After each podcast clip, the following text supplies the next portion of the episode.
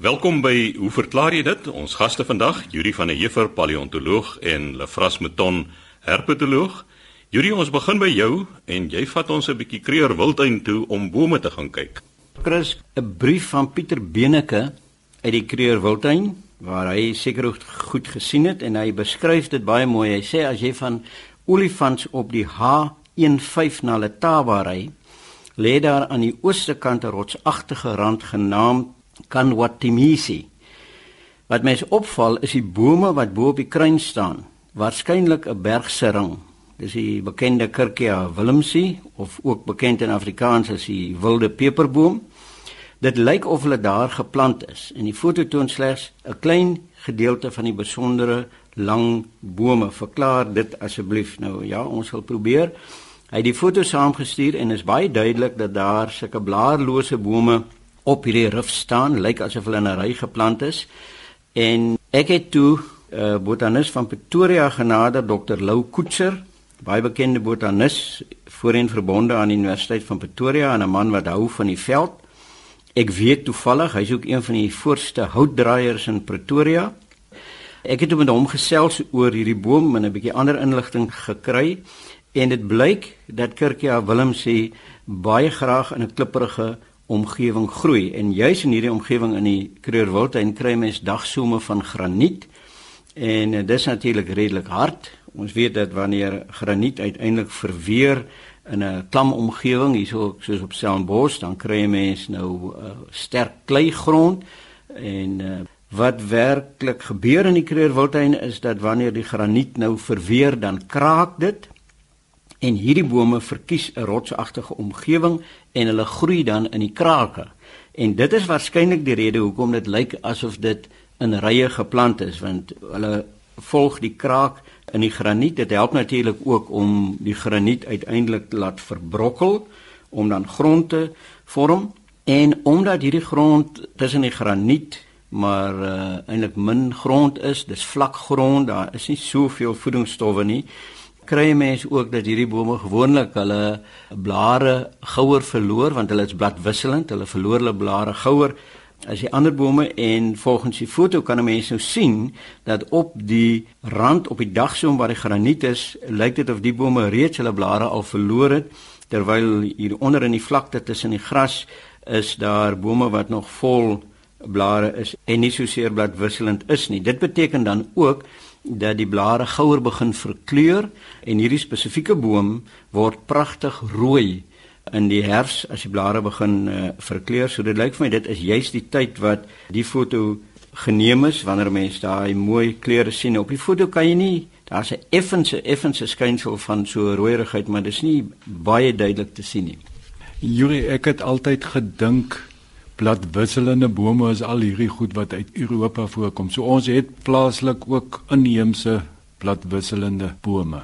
Ons het bladwisselende bome en mense sal ook vir jou sê hulle gaan graag in die winterkreer wildtuin toe juis omdat daar minder blare in bosse en gras is en jy sien meer wild. As jy nou in die reenseisoen gaan, dan sal baie meer wegkruipplek vir die wild. Daar is natuurlik nou nog baie blare. Ons het die ervaring gehad dat ons ewe rustig ek en my vrou in die kar gesit het en so afgekyk het na 'n riviertjie toe en toe staar 'n olifant wat ons nou beskou met die verkykers en kyk en sy sê vir my hier kom hy. En dit is toe duidelik dat hy nou van die rivier af met 'n paadjie oploop en hy gaan nou 'n end voor ons, gaan hy oor die pad. En nou sit ek kyk ons daar waar hy moet oorgaan, maar tussen in die paadjie parallel met die pad na ons toe geloop en ons het so by so 'n groot bos gesit nog. En die volgende oomblik kom die olifant agter die bos uit reg voor die kar tot so mate dat jy hom ruik want ons het die vensters oop gehad. Ek het in my lewe nog nooit so gou, so stadig agteruit gestoot en soveel handvatsels in die kar gemis terwyl ek dit gedoen het nie. En die olifant het ons so staan en kyk en toe omgedraai en aan die ander kant van die pad uh, opgeloop. So daar is nog bosse waar die diere kan wegsteek, maar die wintertyd is blykbaar die beter tyd. Dis die rede hoekom die bome daar groei is dat hulle graniet en dolomitiese gronde verkies veral op die rotsagtige plekke. En wat ek verder uitgevind het is die bome is endemies aan Mpumalanga en die Limpopo en hulle is 'n baie interessante plant want hulle het 'n aardige wortels waarin hulle water kan berg. So kan hulle dus uh redelike kort droogtes kan hulle oorleef omdat hulle water in die wortels berg en baie van die mense wat in die omgewing oorspronklik gebly het, het dit ook geweet en dan die wortels probeer uithaal om water te kry. Nou die naam is interessant. Die genusnaam Kirkie is om vir Dr John Kirk, later Sir John Kirk te vereer uit van 1832 tot 1922 gelewe. Hy was 'n dokter en 'n plantversamelaar en snaaks genoeg hy was die ou wat blykbaar vir Livingstone vergesel het op sy trip toe hy na die Zambesi toe gaan, die Zambesi ekspedisie. Die spesiesnaam Wilms is vernoem na 'n uh, Duitse apteker F Wilms, mens spel dit W I L M S, Wilms. Hy het van 1848 tot 1919 gelewe en hy was 'n botanis en 'n plantversamelaar onder andere wat in Leidenburg gebly het. Yuri sommer nog net so interessantheidshalwe. Sou die klipperige grond, daar waar die bome nou groei, dalk help met uh, watervoorsiening, byvoorbeeld soos 'n teerpad langs die teere dan ons nou baie water. Afloop kan so iets ook werk. Is dit net klipprige grond of is daar nog redelike groot klip massas sodat die water konsentreer tussen krake en goed en en meer water beskikbaar is is dit dalk 'n voordeel van so 'n habitat Ja, ek dink jy is heeltemal reg, want as jy nou so 'n klipplaat het met krake in, wanneer dit reën, dan uh, gaan die water outomaties daarin. En ons het al by geleentheid in die Karoo-koppies gesien waar jy nou die sedimentêre gesteente het en jy weet hoe dit kraak en verbrokkel. En dan uh, lyk dit heeltemal droog aan die buitekant, maar as jy nou daarin 'n fossiel kry wat jy moet uitgrawe, daar's water in al daai krake. En dikwels as dit bo op die kop gereën het en die water het nou ingesink en jy begin nou karring hier by 'n kraak, dan loop die water uit. As dit nou reëntyd is, so die krake is beslis plekke waar die water gaan as daar water is, gaan gekonsentreer word. Ek het nou byvoorbeeld by my gesien ons het so 'n paar laventelplante daar in so 'n bak wat met suurstene gebou is en die saadjies van die laventel is vreeslik klein. Dit waai wragtig in daai krake, die sementkrakies tussen die bakstene en as jy sien hier groei hulle ventelplante uit in daai fyn krakie tussen die bakstene en jy kan hom maar probeer soos jy wil, as jy hom wil uittrek om te plant, jy beskadig hom want hy sit so vas, die wortels is eintlik plat gedruk. En dis dieselfde sê Lou Koetser vir my met hierdie uh, bome waar die wortels nou in daai krake ingaan en waterhoudend is, is hulle later plat gedruk om daar te sit. So jy's absoluut reg, dis presies wat daar gebeur. Wat verder interessant is is dat die bome se bas besit baie vesel en dan uh, is daar gebruik om die jong bas van lote en van dele van die stam af te haal en dan kan jy die vesels gebruik vir weefwerk. En dit is nie so 'n ongewone ding nie. Ek het nou onlangs gesien, ons het 'n baie bekende soort vyeboom in Suid-Afrika, Ficus natalensis. Dit word oral aangeplant. Hier op die kampus staan ook met hierdie geweldige wortels wat al die bakstene oplig. Daar is plekke in Afrika waar dit 'n uh, natuurlike manier gewees het om materiaal te maak vir die koninklikes en vir die hogere mense in die samelewing. Dan word so 'n boom, 'n gedeelte van die stam word ontbas en om te keer dat die boom doodgaan word dit dan toegedraai in piesangblare. En dan sit jy nou hierdie hele rol, dit is amper soos 'n tapuit. Sit jy op die grond neer en die voorpunt lê nou op 'n boomstomp en jy het nou twee sulke dik stukke soos braaihout waar jy dan die bas mee begin slaan en dan maak dit dit plat en reguit dit druk die water uit en jy kan nou aanlas aan hom deur ander dele by te sit en weer te slaan dat die vesels nou vermeng. En uiteindelik het jy materiaal wat jy kan mantels en goed van maak. Dit het 'n spesifieke kleur so dit word dan ook die kleur van die koninklike huis of die stamhoof. En die gebruik het uitgesterf toe daar nou westerse materiale beskikbaar geraak het maar nou weer met hierdie hele storie van erfenis en onthou van die verlede word dit weer aangemoedig as 'n soort van uh, aktiwiteit wat uh, identiteit aan die mense gee. Ek wil afsluit deur net te noem wat Lou Koetser my ook op patent gemaak het is die feit dat ons nou hier praat van hierdie boom uh, wilde peperboom of 'n uh, bergse ring uh, die verskeidenheid gewone name wat daar by plante voorkom. Toe noem hy vir my dat daar nou 'n laserskuif bestaan, 'n CD-ROM wat eintlik 'n woordeboek is van plantname in Suid-Afrika, spesifiek boomname, slingerplante en sekere struike. En dit is beskikbaar en dit baie paslik, jy het dit op die voorkant op die omslag is daar 'n afdruk van een van die bekende skilderye van Pierneef, sy uh, Hardekoelbome Bosveld 1945. En die omvang van hierdie laaste skuif is ongelooflik. Hulle behandel 2100 bome, uitgesoekte struike en klimplante op hierdie CD en omdat daar soveel tale gepraat word in Suider-Afrika in hierdie geval het hulle 30 tale ingesluit en hulle het 24000 gewone name op hierdie CD-ROM in 30 tale. Hulle gee die verspreiding van die plante, hulle sê iets oor die taal, jy kry 'n idee van die uitspraak, hoe jy die name moet sê. En vir enige iemand wat werklik belangstel, die ding is bekend onder die Engelse titel The Dictionary of Names for Southern African Trees. En dit is maklik bekombaar. Daar's natuurlik heel party ander baie interessante boeke wat mense in die verband kan gebruik. Bram van Wyk is 'n vriend van Lou Koetser en iemand wat nie verwant is aan hom nie. Piet van Wyk het die Veldgids vir bome van Suider-Afrika geskryf. Dit is 'n baie nuttige boek om te gebruik.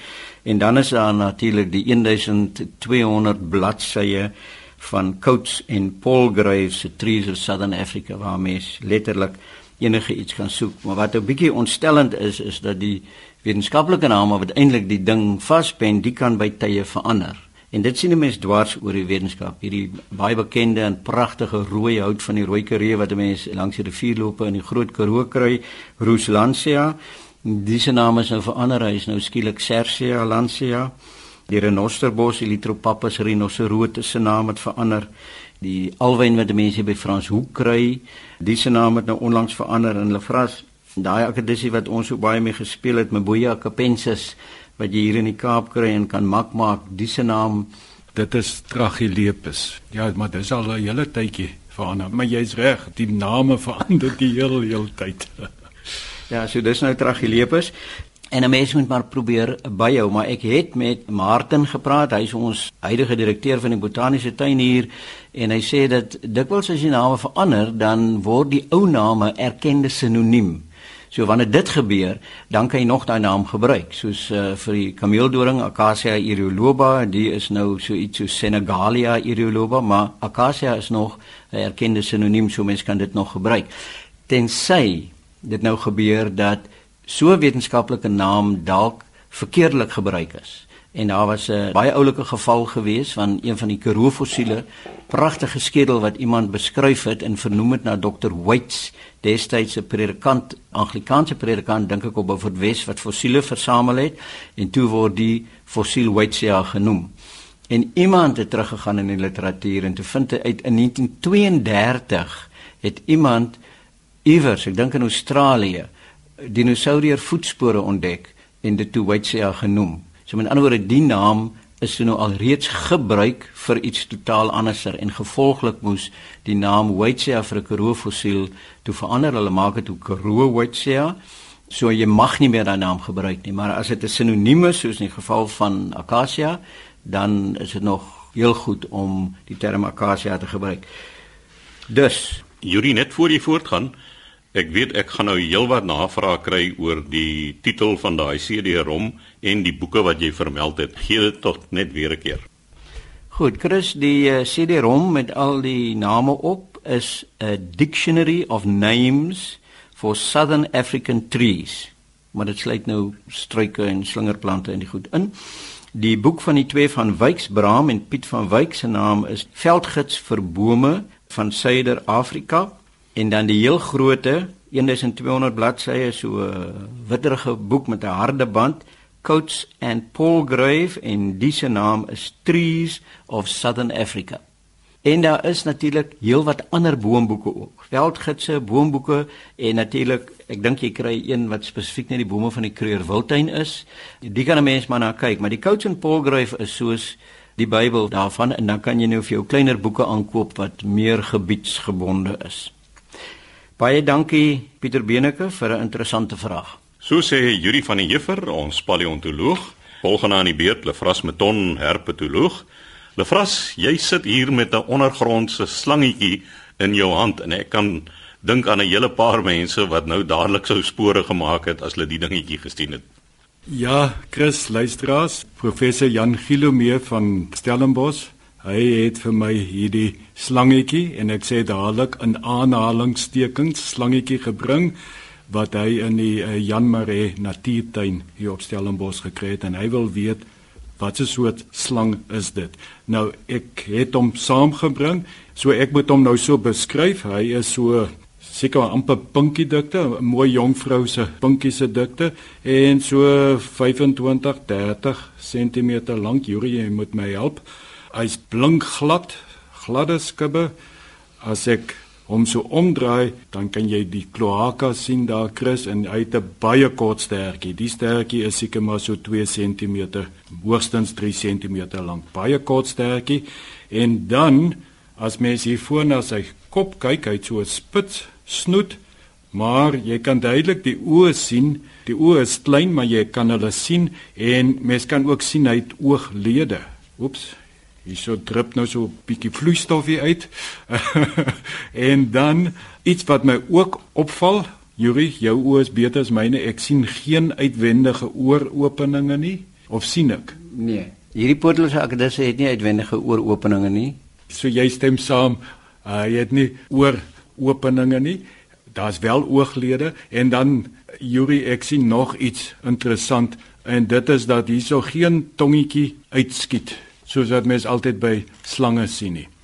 En so hier is nou eintlik 'n snaakse kombinasie van eienskappe. Ons weet slange het ook nie uitwendige ooropeninge nie. Dit is ja, een van die kenmerke van slange en ons weet ook slange het nie ooglede nie. En slange, mens kan maar kyk, die meeste slange sal die hele tyd hulle tong uitskiet want hulle ruik met hulle tong. Yuri weet nogals baie van die onderwerp af. Ons kan net iets daaroor sê. So hierdie is 'n snaakse ding. Is wel nie pote nie. Dit lyk soos 'n slang, maar hier is eienskappe wat sê luister, ons het nie hier met 'n slang te doen nie. Slange het nie ooglede nie en slange skiet heeltyd daardie tong uit. So dit is 'n akedus.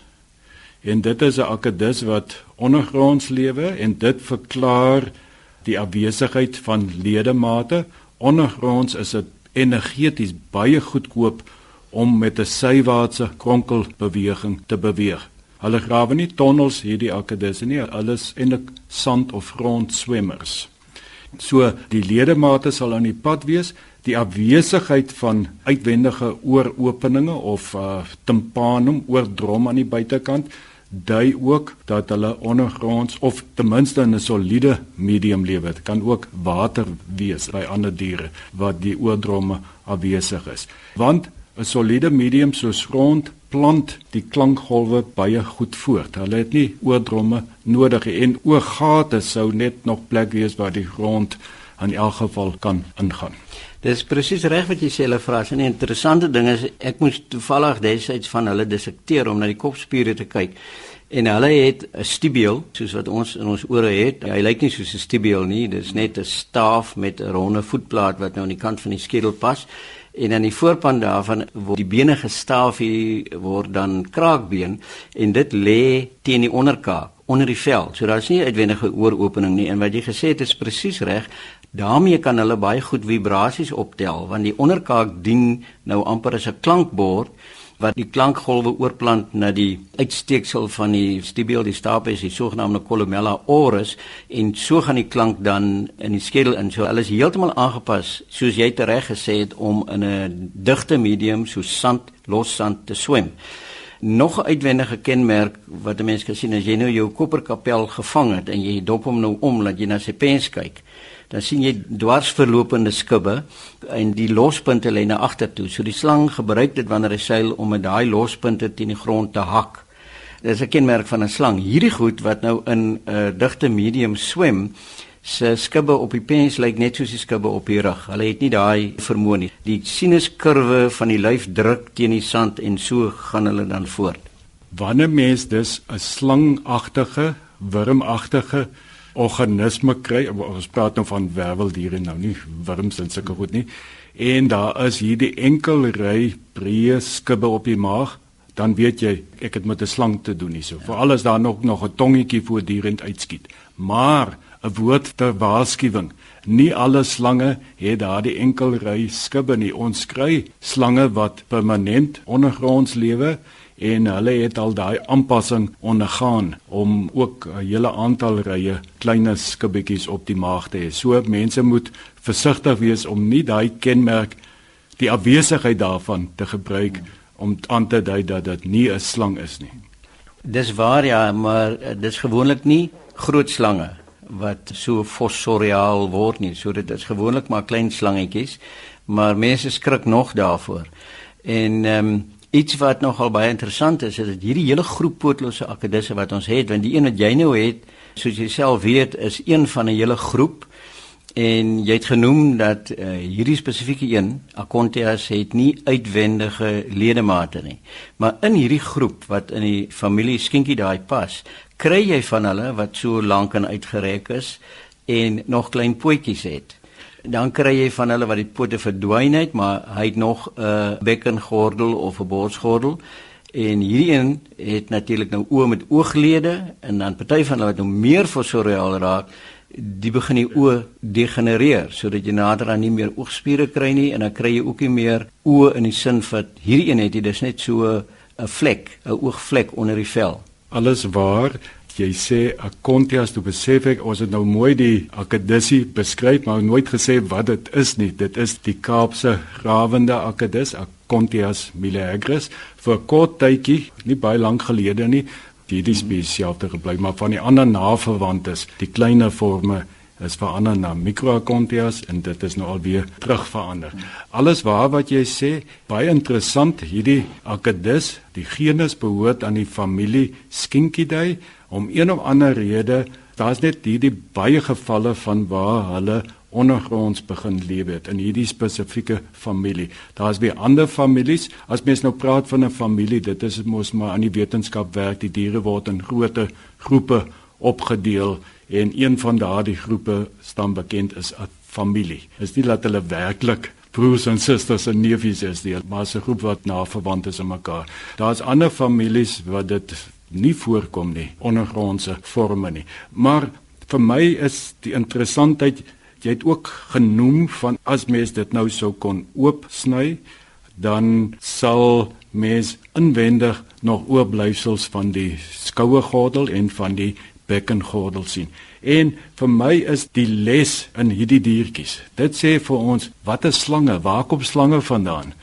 En jy het net nou al hierdie tussenforme uitgewys En as mens nou na slange gaan kyk, wel hulle het nou al die skoue gordel verloor. By sommige primitiewe spesies is daar nog oorblyfsels van die bekkengordel, maar slange is maar akedisse. As mens nou gaan kyk na die filogenie, die stamboom vir hierdie groep wat nou met molekulêre data saamgestel is, dan lê slange daar in die middel van akedisse. Slange is maar net 'n familie akedisse. Ja, is interessant. By sekere luislange kry jy nog agterpote en dan sit dit daar soos 'n klein eentonige stekeltjie en die rede dink ek hoekom dit behoue gebly is is dat dit tydens paartyd gebruik word. So daar is nou nog 'n funksie, nie 'n lokomotoriese funksie nie, maar dit het nou iets anderser geword.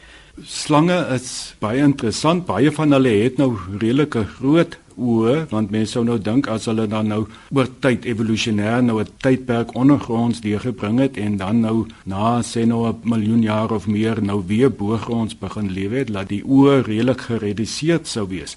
En dit is so alhoewel hulle groot oë het van hulle is as jy daardie oë sou dissekteer, daar het aansienlike reduksie plaasgevind in spiere en ander elemente. So wat ook daarop dui dat daar was 'n evolusionêre tydperk wat hulle ondergronds gelewe het. Nou ja, ons weet vandag is slange 'n baie suksesvolle groep en daar is baie slange wat weer en dit is nou die boodskap wat ek wil gee baie slange wat weer sekondêr ondergrond begin lewe het. Van hulle is redelike giftige forme so die mense moet nie dink as hulle 'n pootlose diertjie wat soos 'n slang lyk kry wat ondergronds lewe dat dit nou noodwendige akedus is. Dit kan 'n werklike slang wees.